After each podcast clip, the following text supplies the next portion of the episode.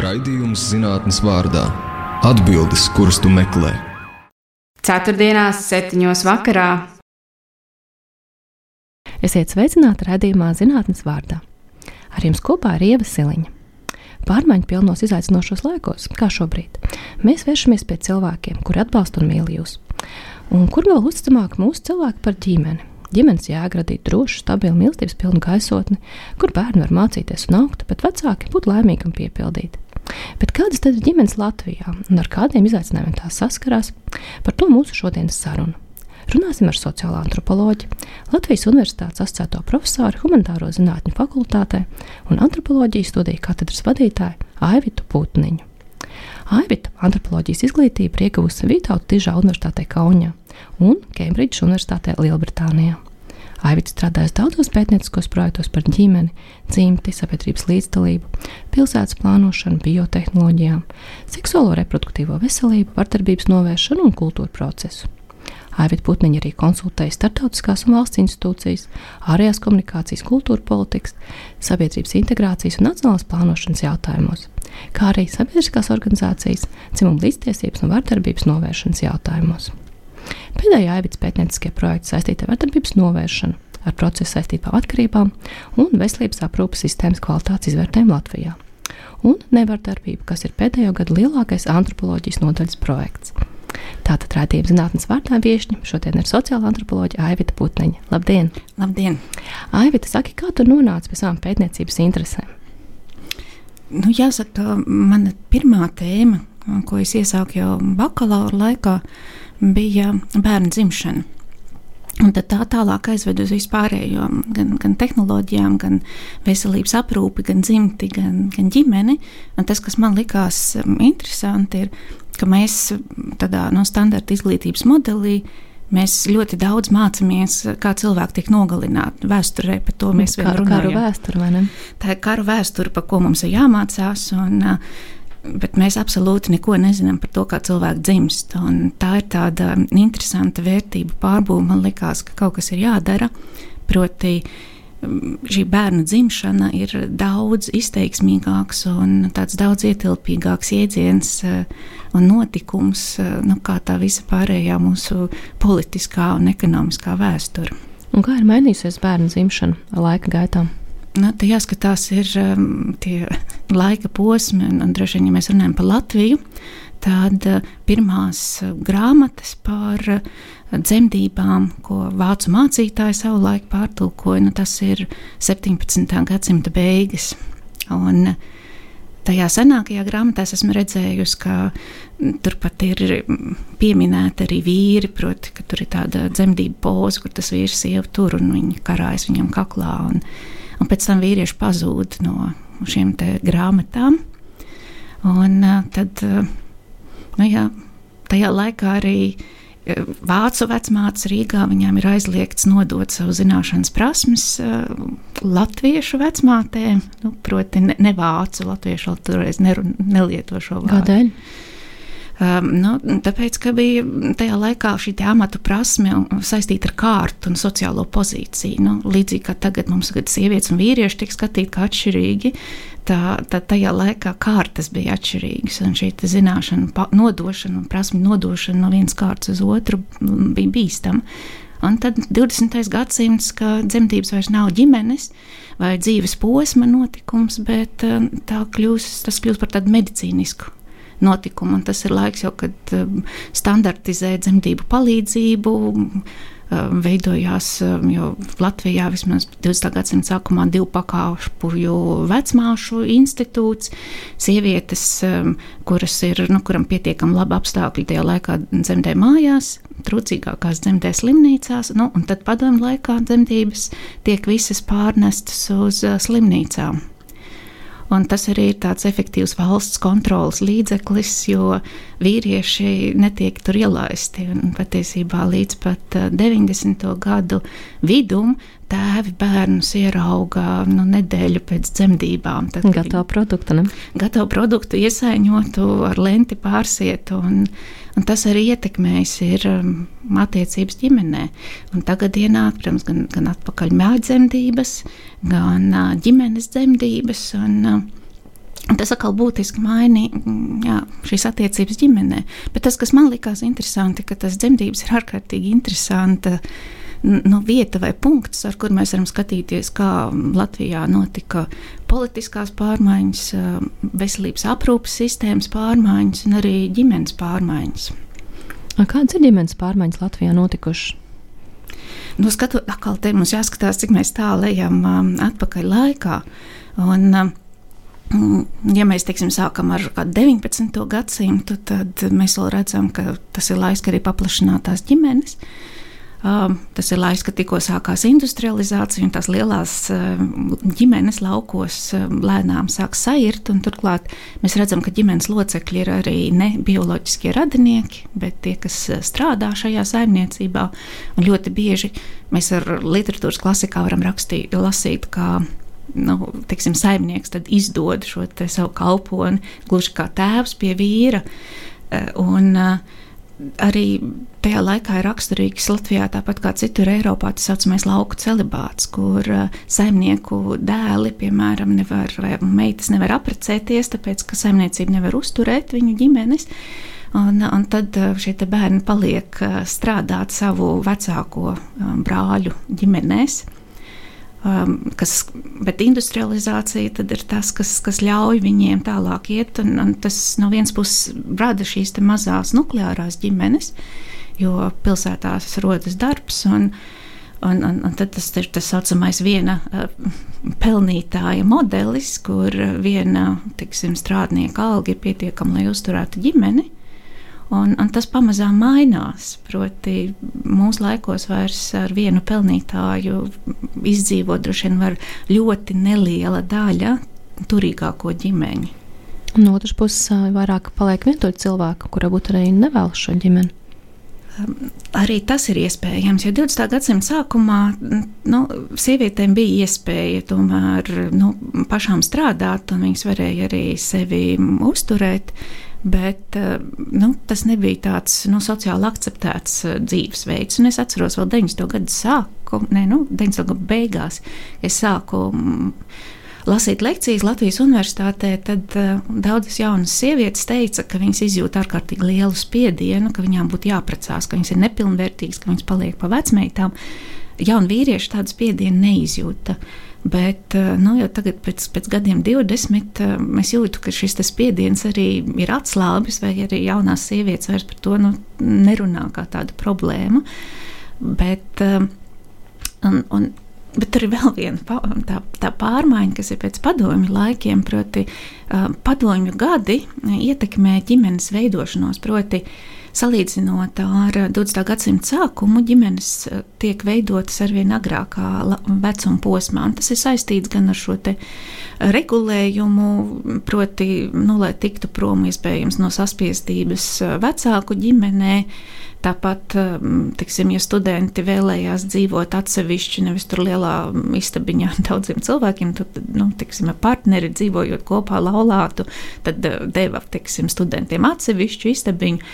Tāpat varēja dabūt uh, viesnīcās, taču nelaulātiem cilvēkiem nedēvā um, istabas uh, kā tagad. Un, Nu, tur bija daudz tādu iemeslu, un, un gan, gan tā ekonomiskā nodrošinātība, kas cilvēkiem ļāva diezgan agri uzsākt šo te, arī tas spiediens un expectācija, ka nu, pēc 23, 24 gadu vecuma tu jau esi uh, nu, palicis vecs un, un, un nederīgs, un kurš tad tevi tagad precēs. Un, un ļoti daudz cilvēku nu, vienkārši jūtot to spiedienu, saprat, ka tā jādara, tā viss dara, es ar tā daru. Un, Un tad 90. gados notika tā pārmaiņa, kas jau bija sākusies jau no 70. gadiem visā Eiropā, proti, ka paaugstinās šis vecums, kad cilvēki sāk veidot patstāvīgas attiecības un laulības. Un Latvijā šis vecums skrī, strauji kāpj. Un, un tagad cilvēki precās nu, aptuveni pēc nu, pirmā bērna, teiksim, tā, kad viņi gaida otro bērnu, tas ir tas nu, vidējais statistiskais vecums, kad tiek noslēgts šīs te, nu, stabilās attiecības.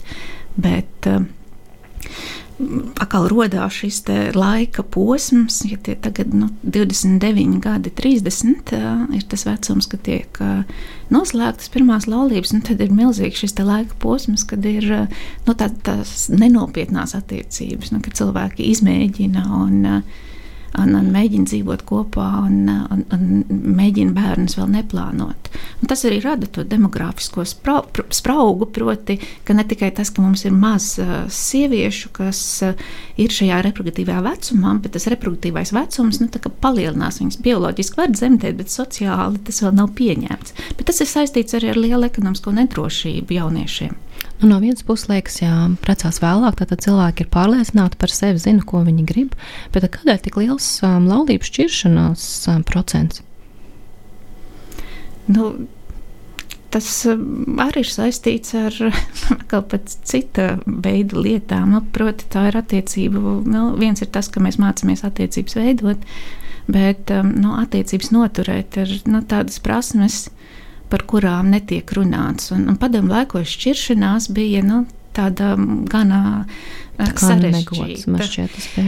Tas, tas ne tikai bija negods, ne tikai 80. gados, arī tīri juridiski tie procesi palika vieglāki. Tur bija nu, gan, gan jānogaida, gan to tikai tiesa darīja. Un, un tur vajadzēja, nu, lai, lai, lai tas process daudz maz gludi iet, tad abiem partneriem bija jāpiekrīt. Un, uh, Un, nu, un tur tas sociālais iespējas nu, tiksim, no, no radiniekiem, vecākiem, tiksim, arī psihologi padomu bija, ka nevajag šķirties, kamēr bērni vēl ģimenē ir, ka tas slikti ietekmē bērnus. Un, un atnākot tam neoliberālismam, kas, kas balstās tajās individuālajās vērtībās, nu, šie sociālie žņaugi jā, tika noņemti nost. Un, Tad beigās iznāca, jā, ka tās attiecības notur tā nu, paša attiecību kvalitāti.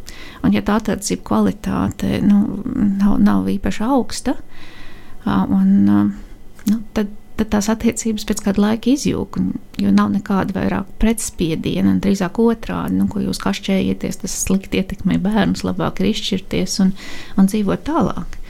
Un tāpat arī šī tolerance pret vardarbību attiecībās tomēr ir um, samazinājusies. Un, um, arī, arī tas kļūst par iemeslu, lai attiecības pārtrauktu. Tas vairs netiek uzskatīts nu, par normu, ka tas ir nu, tāds sieviešu liktenis mīlēt un ciest. Un, um, tas viss kopā arī nu, rada šo fonu. Un, un, un arī vecāku bērnu attiecības, īpaši tēvu un bērnu attiecības, kas Latvijā mums ir tas paradoks ar uzturu līdzekļu nemaksātājiem. Un, pētot arī vīriešus. Cita starpā tas gan bija kāds 2004. un 2005. gads. Um, es tā arī jautāju, nu, nu, kā tas nākās, ka vīrieši nemaksā tos alimentus bērniem. Tad, tā atbilde, ko es visbiežāk dzirdēju, bija, ka, nu, kā, nu, es tev maksāju tos alimentus nevis tam bērnam, bet sievai. Un viņi tagad par to naudu nopirks sev jaunu apakšveļu un aizies pie cita vīrieša. Un tad ir tāds paradoks, ka vīrieši veido attiecības ar bērniem, nu ne visi jāsaka, bet viņi veido attiecības caur to bērnu māti. Un viņi ļoti labprāt. Bērni pieder mātei mūsu kultūram. Jā, nu, savā ziņā, bet tas tagad mainās. Un tad uh, nu, par to bērnu tiek prasīts, nu, ko, ko tas bērns grib. Nu, tiek prasīts mātei, viņa vienmēr to pārzina. Un tad, kad uh, attiecības izjūg, tad, tad to savu bioloģisko bērnu arī attiecības pajūg, bet uh, vīrietis var veidot attiecības ar citu sievieti un viņas bioloģisko bērnu un justies ārkārtīgi komfortabli, un, tāpēc, ka viņš apgādā primāri to sievieti. Un, uh, un, un šis nu, atšķir mūs varbūt no, no rietuma Eiropas, kur nu, tā domāšana ir nedaudz citādāka. Man bieži tas pārsteidz, ka ir vīrietis, kurš lepojas. Viņš saka, es esmu atražojis sevi Latvijā, man ir pieci bērni, bet patiesībā šie pieci bērni no trim dažādām sievietēm. Viņš nav kopā ne ar vienu, un viņš šīs sievietes audzina šos bērnus pašas. Bet viņš jutās, ka viņš tā teikt ir izpildījis tēva lomu, un šeit ir šī ekspektācija. Nu, faktiski vīrietis ir savu lomu izpildījis brīdī, kad viņš ir apaugļojis sievieti un cerams maksājot uzturlīdzekļus vai paliekot parādā valstī par uzturlīdzekļiem, bet sievietē sanāk tā kā jāuzaudzina šie bērni. Jo šis izplatītākais ģimenes tips, nu, faktiski ceturtā daļa ģimeņa mums ir māte ar vienu vai vairākiem bērniem. Nu, tas neizbēgami tā noticis, un kas ir interesanti, ka arī tādā jaunajā mūsu neoliberālismu laikā arī tas izkārtojās nu, kaut kā tā, ka, ka tā sieviete nonāk tik un tā sliktākā pozīcijā, īpaši, ja viņai ir bērni. Un nevelt arī tika gal galā grozīts likums un, piemēram, pie šķiršanās mēs tagad runājam nu, par, par uzturlīdzekļiem bērniem, bet, piemēram, sievietes ieguldījums ģimenē vairāk netiek kompensēts vai, teiksim, tie gadi, ko viņa veltījusi ģimenes uzturēšanai un, un tai vīra apgādāšana, lai viņš būtu darba spējīgā kondīcijā, ka šie arī netiek kompensēti. Jo tiek uzskatīts, nu, ka sieviete pat arī var strādāt. Nu, nu, katrs ir atbildīgs pats par sevi. Un tad, tad radās nu, tas, tas paradoks, ka mēs dzīvojam tādās gana tradicionālās dzimtas lomās, bet no otras puses uh, mēs tā piekopjam tādu dzimumu neitrālu pozīciju, raugoties uz vecāku lomām. Tā it kā uh, abi vecāki vienādi būtu ieguldījuši gan savā karjerā, gan darbā. Ja mēs salīdzinām teiksim, ar Itālijas regulējumu, tad tur izšķirties vīrietim ir ārkārtīgi dārgi, jo viņam būs jāapgādā ne tikai bērni, bet arī sieva, kura būs uh, ieguldījusi bērnu audzināšanā, kopīgā maisaimniecībā, un uh, viņai pienākās šī kompensācija. Un, un tur, uh, jā, vīrietis noteikti padomās, pirms viņš tiksim, oficiāli veidos nākošās attiecības. Nu, viņam pusi no ienākumiem iespējams būs jādod tai pirmajai ģimenei. Ja mēs runājam par um, juridisko regulējumu, kā valsts varētu motivēt dzimstību, jo šķiet, ka esošie dzimstības veidošanas, tā teikt, veicināšanas um, iniciatīvas nenes vajadzīgo rezultātu. Man liekas, ka tas jautājums nu, nav pareizi uzdots. Jo es domāju, ka valstī nu, dzimstības kāpums ir nu, drīzāk sekas tam, ka cilvēki labi dzīvo un ka viņi jūtas droši. Un, uh, Vispirms noteikti būtu jādomā par katra bērna dzīves kvalitāti, un lai tie bērni, kas piedzimst, viņiem tiešām ir uh, laba šī dzīves kvalitāte un, un, un lielas iespējas uh, dzīvē.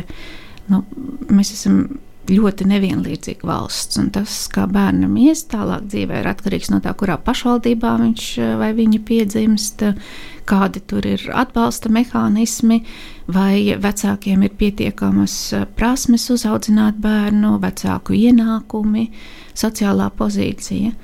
Un, nu, kamēr mēs neatrisināsim šos jautājumus, lai ģimene jebkurā tiksim, krīzes situācijā varētu uh, saņemt atbalstu, nu, tādu, lai bērnu dzīves kvalitāte neciest. Nu, kaut vai uh, ka mēs beigsim nu, faktiski finansēt segregētas skolas, kur nu, pēc pamatskolas beigšanas bērni ir spiesti kārtot tiksim, Rīgā eksāmenus, un tad viņi tiks sadalīti pēc šīm prasmēm pa dažādām skolām. Un, un tās skolas, kurās iesiet tie labākie bērni ar augstākajām sekmēm, tās saņem vairāk finansējumu, kas ir pilnīgi atgādni. Mēs skatāmies uz Lielbritāniju. No labākie iekšā, labākie ārā.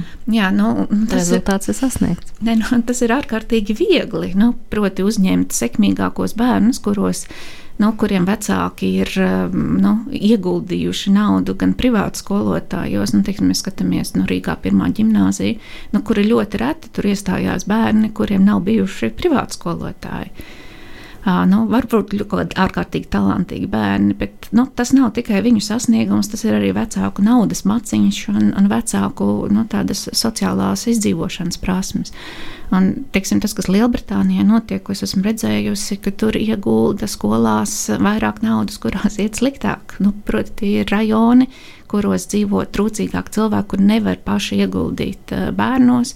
Un, un tām skolām tad tiek piešķirti līdzekļi un, un piešķirti nu, jā, vairāk dažādu veidu resursu, lai tos bērnus paceltu uz augšu. Bet nu, tas notiek nu, kā atšķirīgi, kamēr mēs neatrisinām šos te. Nu, nu, neskatāmies uz to no, no bērnu perspektīvas, un katra bērna perspektīvas, un, un kas bērnam ir vajadzīgs. Nu, tikmēr mēs nekādu dzimstību, nu, tad tie paliks kaut kādi cipariņi.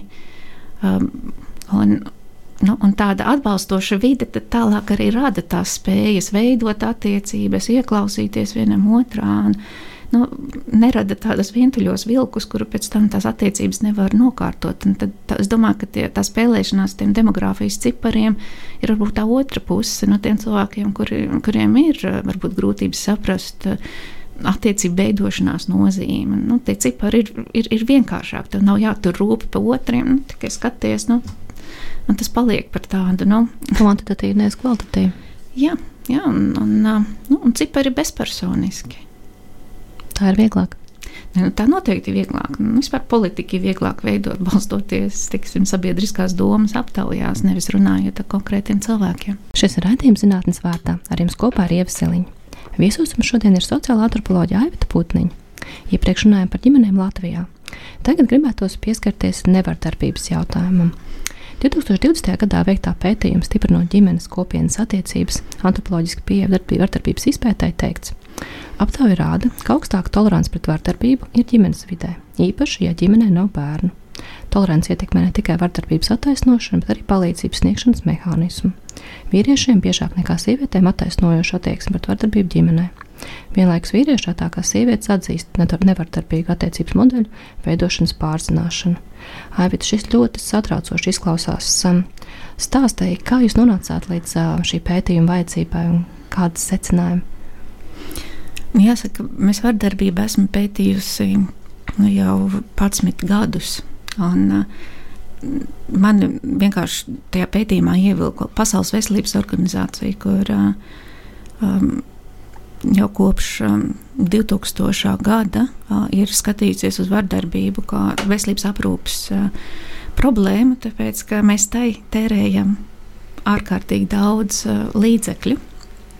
Un, uh, un, un, un tad tam sekoja dažāda veida uh, nu, programmu, vardarbības novēršanas programmu izvērtējums. Un, un mēs arī uztaisījām pamatu un ieteikumus izpētot, kurā vietā tiksim, mēs varētu efektīvāk novērst vardarbību tiksim, bērnu izglītošanas posmā. Un, un, Un, un skatoties, nu, tas ir runa par ģimeni vai skolu? Tas, ir, ar, tas bija vispār runa par bērniem un kā mēs varam tikt klāt uh, bērniem, kuri cieši no vardarbības, ne tikai no vardarbības, bet kuriem uh, nu, kaut kādu iemeslu dēļ ir kādas attiec, attīstības aizturas problēmas, kas rodās tāpēc, ka viņi tiek nepareizi audzināti vai pret viņiem uh, neizturās pietiekami vecāki atbalstoši. Un, un tad mēs identificējam, piemēram, bērnu dārzus kā vietu, kur varētu veikt šo intervenciju. Tad tap arī tad, gan speciāla diagnostiska programma, kur audzinātāji var bērnus izvērtēt un, un, un atrast. Bet mēs mēģinājām skatīties uz ļoti agrīnu posmu. Pirms bērnam sākās kādas uzvedības grūtības skolā. Bērndārs ir tas laiks, kad mēs varam šo ļoti viegli novērst. Un, un, un jo ilgāk tas laiks paiet, jo tā problēma paliek grūtāk novēršama. Un, un, un šī programma tagad arī ir pieejama pat visā Latvijas mērogā kas, kas bija tāds nu, ļoti, ļoti iedvesmojošs darbs. Un, un tas mums arī lika pievērsties ne tik daudz vardarbības novēršanai, kā nevardarbības stratēģijai. No nu, tad, cik daudz mūsos ir kaut kas nu, iekšā tāds, lai mēs varētu veidot attiecības bez vardarbības un arī iestātos par um, attiecībām pret apkārtējiem, kuros mēs nu, nedominējam vai neizmantojam citus cilvēkus. Kas ir vardarbības pamatā? Vai tā ir um, cieņas trūkums vai kas cits? Ta, tas ir vardarbība tāds ārkārtīgi komplekss fenomens. Tā nav varbūt tas pats nosaukums. Ir, mums ir vēl viens tāds, man liekas, daudz piemērotāks vārds vardarbībai, tā ir varmācība. Un, proti, tas ir nu, tā īsi sakot, ir savas pozīcijas un augstākas pozīcijas izmantošana un, un uzturēšana attiecībā pret citiem cilvēkiem. Un Un tā var būt gan emocionāla, gan fiziska, gan, gan ekonomiska. Un, bet pamatā tā ir nevienlīdzības uzturēšana. Tas nozīmē, tas sākās ar kādu cilvēkam pārākuma sajūtu par kādu citu cilvēku. Um, tā ir gan pārākuma sajūta, bet tā ir arī tāda dziļāka struktūrāla lieta. Kādā ziņā? No tādā ziņā, ka um, ir cilvēki, nu, kuriem tā pārākuma sajūta tiek um, ieaudzināta. Jo nu, tā nav tikai tāda sajūta, bet tā ir simtprocentīga pārliecība. Un, uh, jo mēs nedzīvojam tādā vienlīdzīgā nu, um, sabiedrībā, nu, tiksim, vīrieši un sievietes, pat puikas un meitenes. Jau kopš uh, nu, bērnu dārza gadiem pret viņiem ir atšķirīgas prasības. Un, uh, Un tad brīdī, kad nu, mēs, mēs šīs prasības nu, sākam iemiesot, un mēs, mēs saprotam, ka nu, es esmu citādāks un labāks, un man ir vieglāk tiksim, dzīvot nekā tam otram, un turklāt man ir vieglāk, ja es uz tā otra pakāpjos nu, tad brīdī tas vardarbības mehānisms arī aiziet. Bet, protams, nu, tāda klasiska vardarbība mēs drīzāk runāsim. Mēs esam piedzīvojuši vardarbību, um, um, nu, šo nevienlīdzību sabiedrībā. Nu, tad mēs viņu arī atražosim, tāpēc ka tas ir tas uzvedības modelis, uh, pie kā mēs esam pieraduši. Un ar tajā pētījumā runājot ar um, cilvēkiem gan kopienās, gan ģimenēs, tā arī redzēt, ka tiksim, bērnu audzināšana Latvijā, kur nu, padomju laiki, un vēl laika varbūt pirms šī padomju perioda, ka vecāku bērnu attiecības lielā mērā tika veidotas uz tāda autoritātes pamata. Nu, proti, ka bērns dara kaut ko, tāpēc, ka vecāks liek. Jo ir jādara, un bērns nedrīkst būt tikai redzams, nedrīkst būt dzirdams. Ne? Nu, ne tikai, nu, ļoti bieži arī nu, šī te, nu, varas asimetrija ir tāda. Nu, ļoti sakārtot un caurredzama. Nu, tad tur ir jāizravē tur piecas biežu vagas, tad tu varēsi iet kaut ko darīt. Un, un, un tā nav tāda. Nu, sarunāšana, nu, ka, ko mēs tagad ģimeni darīsim, ka es tagad darīju. Nu, to pašu mēs varam panākt arī nu, ar tādām vienlīdzīgām attiecībām. Un tagad Latvijā ienāk šis te tādu vienlīdzīgu, sadarbīgu attiecību modelis. Un, uh, tajā aptaujā mēs arī jautājām, nu, cilvēki viņu atbalsta šo modeli, bet uh, ārkārtīgi neliels īpatsvars uh, tiešām pārzina, ko nozīmē šāda te, nu, bērnām jā, draudzīgs audzināšanas modelis, kur uh, nu, kas nenozīmē, ka bērnam ir atļauts viss, nu, ko autoritārā modeļa piekritēji. Viņi ļauj, nu, ka tagad vairs nebūs šī autoritāte. Nu, kas tad tagad notiks? Tie bērni vairs nevienam neklausīs. Tas, eh, šis te, nu, sadarbības modelis mm, tik un tā ievēro robežu, bet tās robežas mēs ievērojam visi, nu, ne tikai bērni. Un, nu, jā, var saprast, kāpēc ir izaicinājums, jo ja vecāki paši bija audzināti savādāk, viņiem ir eh, jāatklāj jauns velosipēds, vai ne? Jā, un ļoti bieži vecāki, kuri paši teiksim, ir fiziski pārmācīti, um, nu, vieni saka, ka tas ir bijis labi, ka tas viņus ir uzaudzinājis pēc cilvēkiem. Um, bet daudz uzskata, ka tas ir bijis nu, pazemojums, un viņi nekad to attiecībā pret saviem bērniem vairs neizmanto.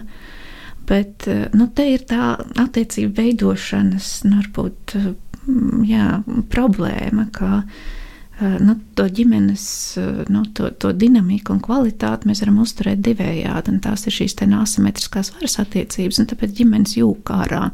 Tāpēc, ka nu, tā, eh, sievas vairs negrib paklausīt vīriem, tāpēc, ka nu, viņas ir sievietes un, un strādā dubultu slodzi mājās. Viņas uzskata, ka tas ir netaisnīgi.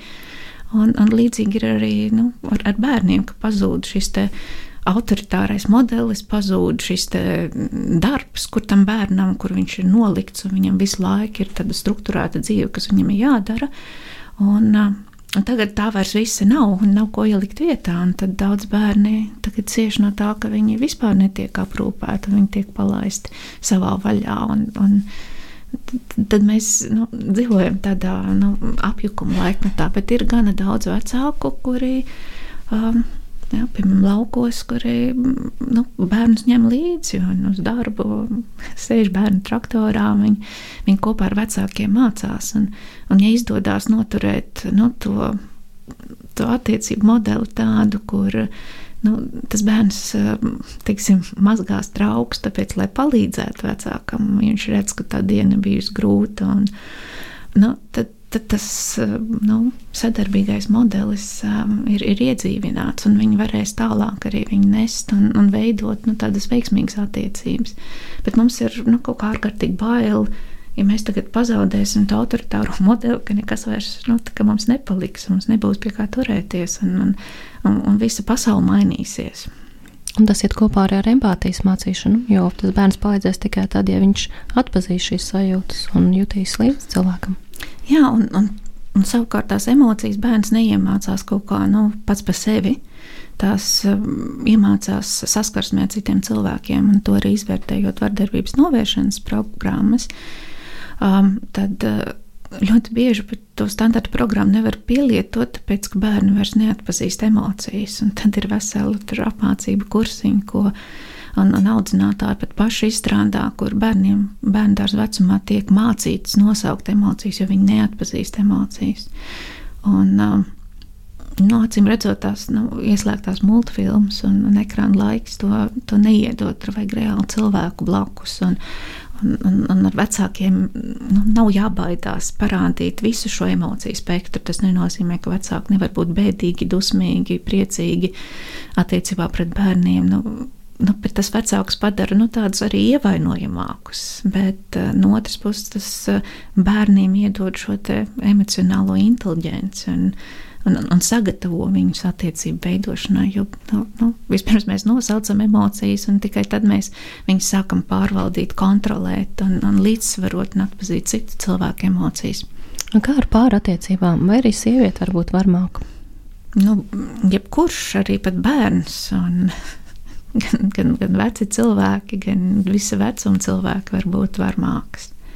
Es um, atceros, uh, nu, man tāds viss, uh, nu, tāds spilgtākais uh, piemērs, ko es no savu pētījumu atceros, bija pētījums par vīriešiem, kur mēs intervējām vienu pāri jau gados. Un, uh, Un tās intervijas bija tik ārkārtīgi atšķirīgas, uh, ka nevarēja saprast, ka viņi vispār ir dzīvojuši kopā. Un, uh, Tā bija sieviete, kur stāstīja, ka nu, tas viņas vīrs mājās pilnīgi neko nedarot. Vienīgais, ko viņš no rīta uzstājas, viņai kafija, bet viņš taisa šķīstošo kafiju. Un viņai ir riebjās tā šķīstošā kafija. Viņa visu to laulības, nu, tos, tos gadu desmitus, to šķīstošo kafiju dzērus. Viņa intervijā stāsta, nu, cik tas ir nu, tā riebja un būt vismaz kādu sviestmaizi uztaisījis.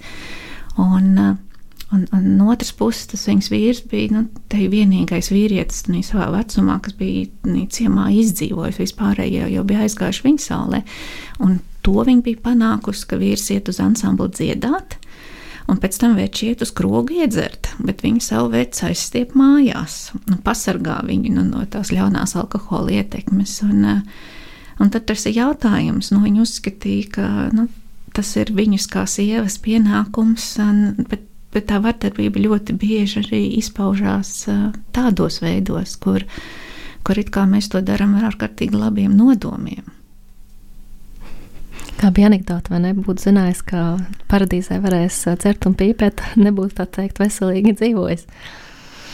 Nu, tur, tur droši vien ir tā sāls, ka, uh, nu, starp citu, tā sieviete bija tā, kas man vēlāk uh, um, iedeva jautājumu. Nu, viņa teica, kā tad tie vienzimumu partneri dzīvo? Nu, ka viņiem nav tagad jā, kurš kuru kontrolē? Jā, un, nu, Un, bet viņa ir pārliecināta, ka viņa ir ārkārtīgi laba sieva, ka viņa tam vīram pakalpo, nu, ka viņa ir uh, zemākā pozīcijā. Nu, tāpēc tā vardarbība nekad nav tik ārkārtīgi vienkārša. Tā ir atkarīga no šīm attiecību mm, hierarhijām. Un, uh, Um, jā, un viņi teica, nu, nu, kā tad tie cilvēki, tur nav tas dzimuma loma dalījums, kā tad viņi nu, vispār var izdzīvot? Un kāda ir ierastā hierarhija Latvijas ģimenēs? Nu, dažāda. Tad tā būtu droši vien visīsākā atbilde. Un šis laiks ir ārkārtīgi interesants, tāpēc ka um, jā, mums ir gan tādas uh, gan tradicionāli sadalīts ģimenes, tad mums ir nu, tāds ārkārtīgi līdzdarbīgs ģimenes, kur abi vecāki iesaistās. Un, nu, tad mums ir tās nu, vientuļās ģimenes, un tad ir viena dzimuma partneru ģimenes, kurās arī aug bērni. Antropologs smējās, ka nu, agrāk mēs varējām teikt, ka no rietumos bija nukleāra ģimene, kas ir uh, angļuiski nuclear family, Tagad mēs sakām, unclear family vai, vai neskaidrā ģimene, pamainot tos uh, pirmos um, divus burtus. Un ir jau parasti arī šīs atbalsta komandas, vai ne? Vecmāmiņas, kas palīdz bērnu audzināšanā, tuvi uh, ģimenes draugi. Um, Te ir ar pensijas vecuma kāpumu, kā likās, no mēs ekonomiski dabūjām vairāk darba spēka, bet mēs atkal pazaudējam šos aprūpētājus. Un, un tāpēc arī šī valsts ienākšana, tiksim, atbalstot ģimenes, tiksim, bērndārs pakalpojumiem, nu, tas ir viens no tādiem galvenajiem štoperiem, kāpēc vecāki nevar atļauties vairāk bērnus. Un, ko ieteikt darīt cilvēkam, kas saskāries ar vardarbību?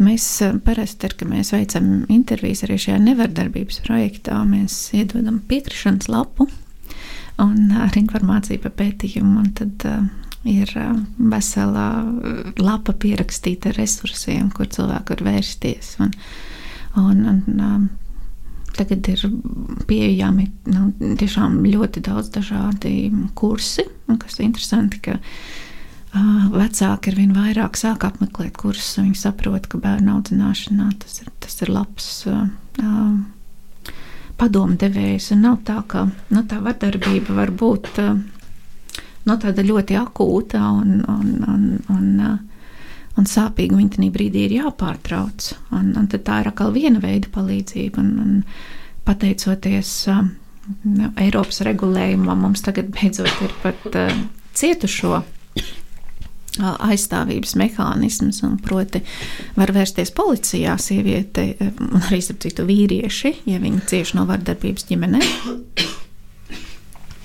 Un, un, un savukārt, ja mēs domājam par to nu, agrīnāko posmu, proti, nu, tad, kad mēs paši sākam domāt, vai mēs esam attiecībās nu, pietiekami atbalstoši gan bērnam vai partnerim, nu, tad tie atkal ir cita veida resursi. Kā varētu atpazīt vardarbību? Vai tā ir vardarbība vai kaut kas cits tomēr? Nu, mm, ir, ir noteikti mm, ir ārkārtīgi daudz dažādu resursu. Un, un tādu nu, klasisku vardarbību Latvijā cilvēki tomēr atpazīst. Un, un tā izpratne arī nu, institūcijās palielinās. Laikam vēl viena forma, kas mums nav juridiski nodefinēta, ir ekonomiskā vardarbība. Proti, kur mēs otru cilvēku mēģinām ietekmēt ar nu, kaut kādu līdzekļu pieejamības kontroli. Uh, Un tā varbūt nebūtu problēma, bet man liekas, ka tā problemātiskā lieta ir agrīnā vardarbība. Kas tas ir? Nu, tas ir tas, kas uh, notiek uh, jebkurā mūsu ģimenē. Es atceros, tā, ka mēs uh, veidojam šo agrīnās vardarbības novēršanas programmu. Mēs um, sēdējām vienā telpā ar jomas profesionāļiem. Tur bija gan darbdevas psihologi, un, un sociālai darbinieki, SOS bērnu ciemata speciālisti. Un, Un, un, un mēs piedāvājām dažādus šos agrīnās prevences modeļus, un, un tie speciālisti bija tā kā bijuši dusmīgi, nu, ka mēs tagad nevaram tā uzrakstīt, nu, kurā brīdī tad ir tā agrīnā vardarbība sākās. Un, un, un tad bija tāds lūzums mūsu sarunā, ka viena no speciālistām teica, bet klāva agrīnā vardarbība notiek katrā mūsu ģimenē. Uh, nu, proti, tas ir tas brīdis, nu, Un, un labi ir, ja mēs to piefiksējam, ka mēs uzbļaujam uz otru cilvēku. Vienalga bērnu, partneri. Uh, nu, ka mēs uh, sākam dusmoties. Kādreiz tas nav atkarīgs. Tas ir dabiski, vai ne? Mēs visi dusmojamies, un tas vienmēr notiek. Jā, nu mēs visu laiku esam vardarbīgi, un ka mēs to saprotam, nu, no tā brīža varbūt arī sākās tā vardarbības pamanīšana. Jo nu, mēs beidzam sevi attaisnot, bet uh, mēs to pamanām un mēs sākam par to domāt. Un, uh, un mēs mācāmies, lai mēs nākošo reizi nu, vairs šādā veidā neiekristu. Un kā mēs varam stiprināt savas attiecības, lai nenonāktu līdz uh, vardarbībai? Nu, tas ir elementāri. Mums ir jāmācās. Nu, attiecības mēs arī mācāmies. Nu, gluži tāpat tās, kā mēs mācāmies rēķināt, tā mums arī ir jāmācās attiecības. Un, un ir ģimenes, kurās nu, to iemācās ģimenē, bet, bet ļoti bieži mums ir vajadzīgi resursi.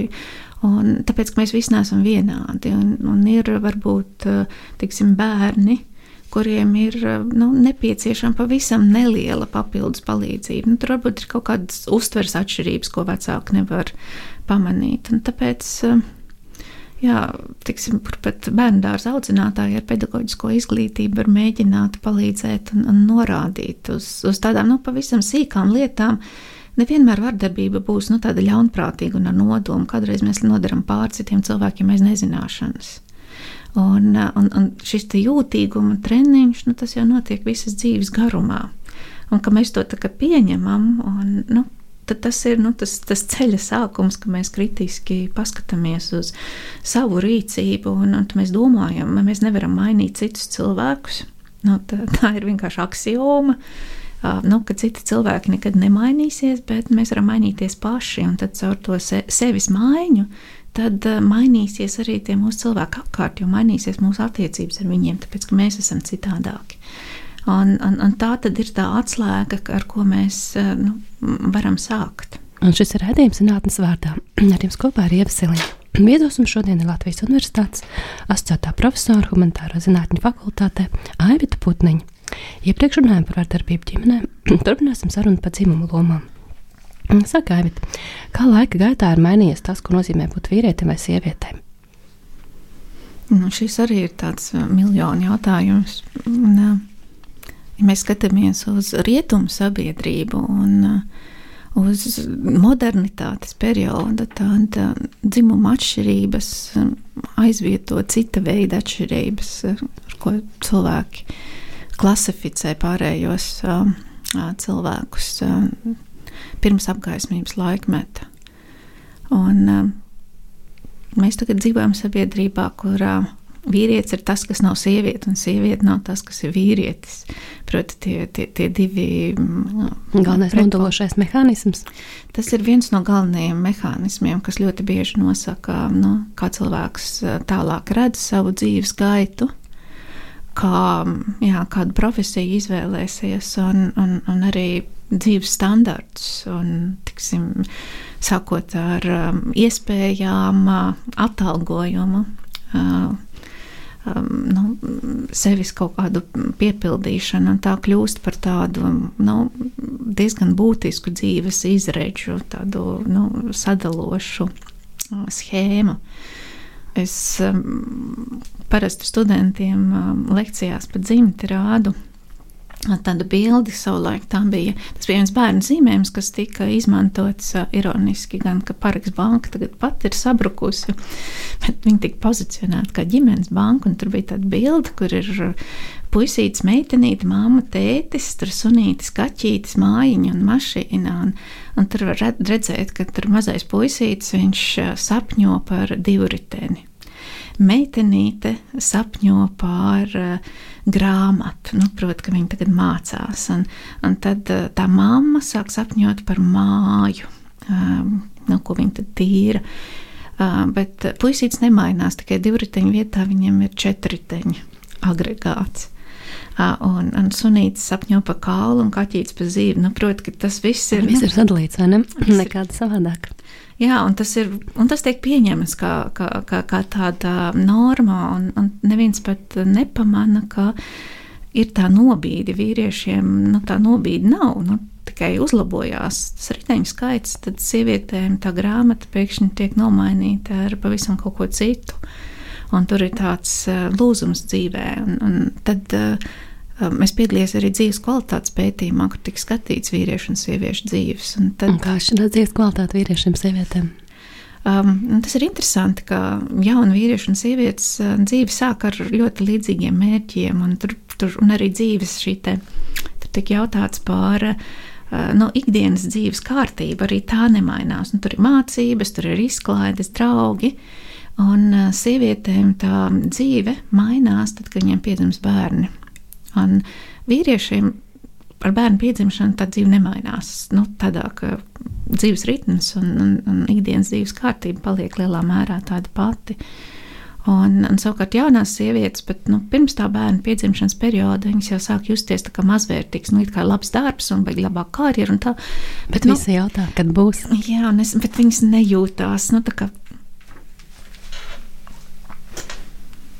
Jā, bet sievietes nejūtās nu, pilnvērtīgas, ka viņas neko nav sasniegušas, jo nav šī ģimene.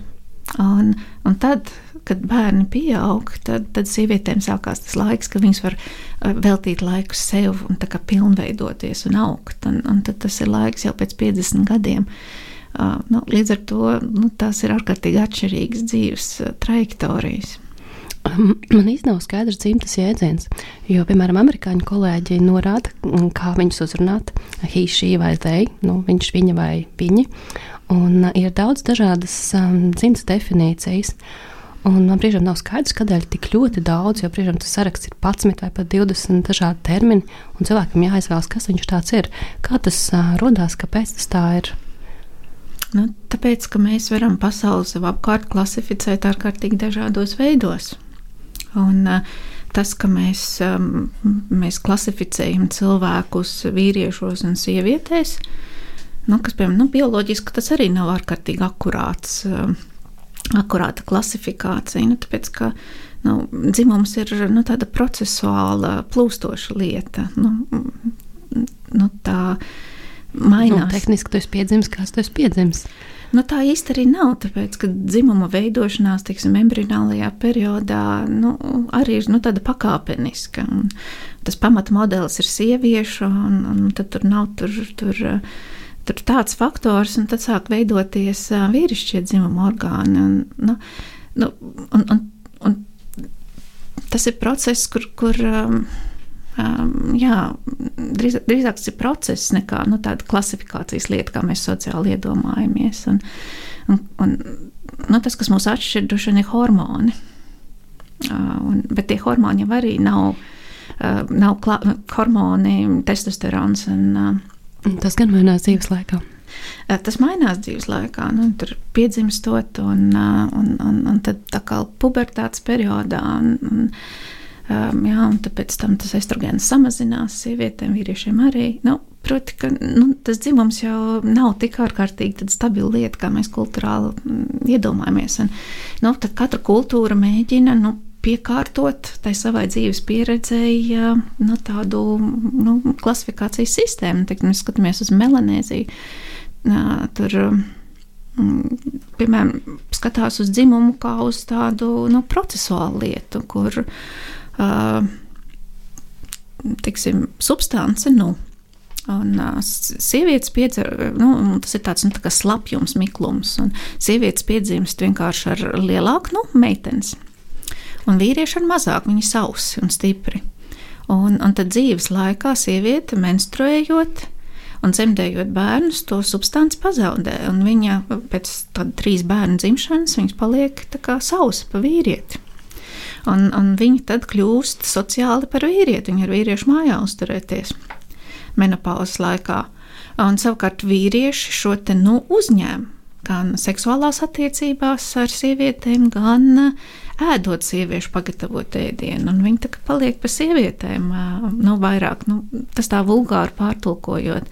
Bet nu, tie veidi, kā mēs varam cilvēkus klasificēt, ir bezgalīgi. Un tad beigās arī radās nu, nu, tās, tās garās uh, listes, uh, nu, cik uh, dzimumu un cik seksualitāšu un dzimšu katrā kultūrā var būt. Bet nu, tur jāatcerās, ka katrā kultūrā ir nu, tā ir klasifikācijas sistēma. Mēs nevaram uztaisīt vienu sarakstu. Nu, tad mēs sametam kopā kaķus un suņus. Un Tas nozīmē, ka amerikāņu saraksts būs pilnīgi savādāks nekā latviešu saraksts. Mm.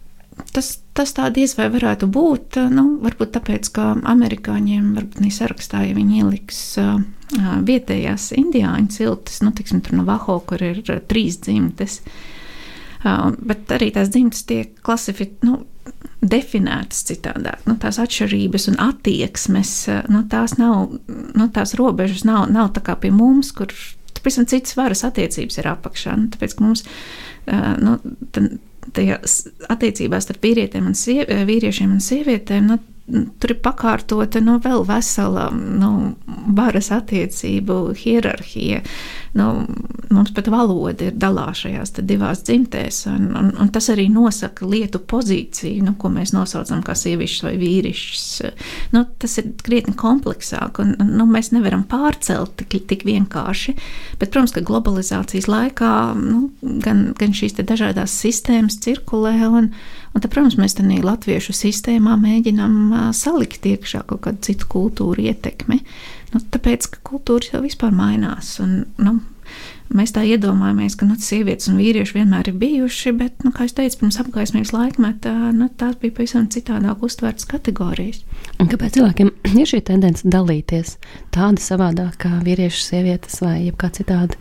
Nu, tāpēc, ka mēs no citiem dzīvniekiem atšķiramies ar uh, kultūru, un mums ir nu, tādas izteikti kognitīvas darbības, mēs to varam izdarīt. Un, uh, uh, nu, Tā, tā tas laikam ir bijis. Un, bet, bet jāsaka, ne tikai dalīšana un tāda nu, naidīga attieksme ir tā, kas ir homo sapiens izveidojusi. Ja mēs skatāmies uz evolūciju, tad patiesībā cilvēki ir evolūcionējuši pateicoties rūpēm vienam par otru. Un, un jau no homo erectus laikiem mēs redzam, ka um, um, slimi kopienas locekļi netika pamesti bet tika uzturēti. Proti, um, ja tur ir bijuši nu, tiksim, zobu iekaisumi, kas cilvēkam neļāva, un tajā laikā nu, nebija nazīšu takšiņas. Um, Un, un, un gaļas mašīnas, nu, tad, tad tā barība tika kožļāta tam līdzcilvēkam, lai viņš nenomirtu badā. Un, un, un tāpat, jā, šis pirmcilvēks nav varējis pastaigāt, un tur bija kaut kāda ievainojuma, tad, tad, tad tas ir kopts. Nu, proti, mēs kā homo sapiens un, un to savu nu, kultūru esam izveidojuši pateicoties rūpēm vienam par otru. Bet nu, tam, tam vienmēr ir apakšā arī šī izdzīvošanas cīņa, kurā mēs izmantojam. Un, un tā savu mēs jau nevaram pateikt. Nu, jā, kā, kā tas ir bijis agrāk, bet nu nevelti. Darvina sugu izcelšanās un, un Marksa politekonomika galā iznāca vienā gadā. Un tur ir ārkārtīgi paralēli līdzīgas lietas par to, ka mums ir savā starpā jācīnās par um, izdzīvošanu, tas stiprākais izdzīvo. Bet, nu, protams, tas ir jautājums, vai visa cilvēks vēsture ir bijusi par to. Tāpēc ar to nu, mēs sākām par to bērnu dzimšanu, ka varbūt tas ir svarīgāk nekā tas, kurā brīdī, kurš kuram pielavās klāta nazīte. Jo gan abi aspekti ir um, vienlīdz uh, klātesoši, vienkārši uz kuru mēs vairāk skatāmies un koncentrējamies. Jā, un uh, nu, mēs dzīvojam, nu, īpaši kapitālisms ir interesants ar to, ka nu, mēs dzīvojam tādā universālā trūkuma sajūtā. Nu, proti, nu, ja man tagad ir vairāk, tad citām ir mazāk.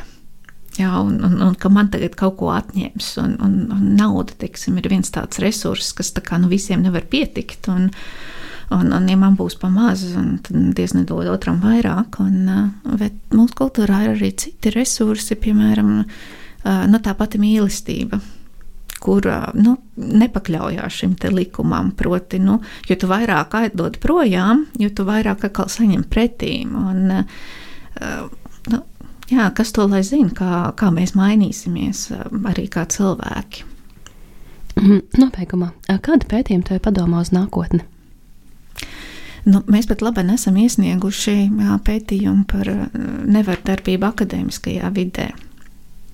Un, jā, mē, mēs ļoti ceram, ka tas varbūt ir novedīs pie šo attiecību jautājumu pacelšanas gan zinātnē, gan studiju vidū, jo mēs redzam, ka arī esam veikuši tādus priekšpētījumus, mēs, mēs redzam, cik ļoti izdeg gan pasniedzēji, gan arī patiesībā studenti, un ka nepietiek resursu, un, un studenti cīnās konstanti ar mentālām grūtībām, un viņi nespēja um, pabeigt, izpildīt prasības. Un, un, un, un no otras puses, ar tik liels nu, spiediens, ja viņi saņem to stipendiju, to izdarīt, un, un ja studijas ir apmaksātas, nu, Proti, tas, tas ir arī nu, tāds tā, nu, nu, naudas un nevienlīdzības jautājums. Un, un tad mēģināt skatīties uz šo padziļināt, un, un īpaši mums interesē skolas un pedagoģu gatavošanu, jo nevelti Latvijas skolas ir numur viens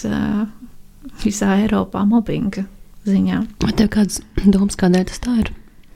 Nu, to mēs arī gribam papētīt par, nu, mums ir aizdomas, ka tā nav tikai ģimene. Ka, nu, mēs, mēs arī savā nevardarbības pētījumā redzējām, ka darba, vides, darba vide arī ir ārkārtīgi būtiska un īpaši skola un, un pret jauniešiem ne tikai ģimenē vardarbīgi izturās. Skola ir varbūt ir otrā, un, un arī darba vide ir mums ārkārtīgi vērtībīga. Mēs gribam uz universitātēm, kā uz darba vidi kā mācīšanas vietu, un, un kā šī vardarbība tiek tālāk nodot, iespējams, arī uz skolām. Un, un ko tur varētu darīt, lai mēs varbūt veicinātu tādas nu, atbalstošas un, un rūpēs balstītas attiecības vienam pret otru. Un, un tad mums ir vēl viens projektiņš par vientuļajiem senioriem un digitalizāciju. Un tā kā rūpes par, par šiem senioriem, gan valsts līmenī, gan ģimeņu līmenī, kopienu līmenī, ir ietekmējušas seniorus. Un, Un, un, un tur mēs taisīsim pētījumu ar ārzemju kolēģiem, bet mēs taisīsim to kopā ar senioriem. Proti, viņi arī kļūst par pētniekiem. Un, un, un tad mēs tad, nu, tādu sadarbību,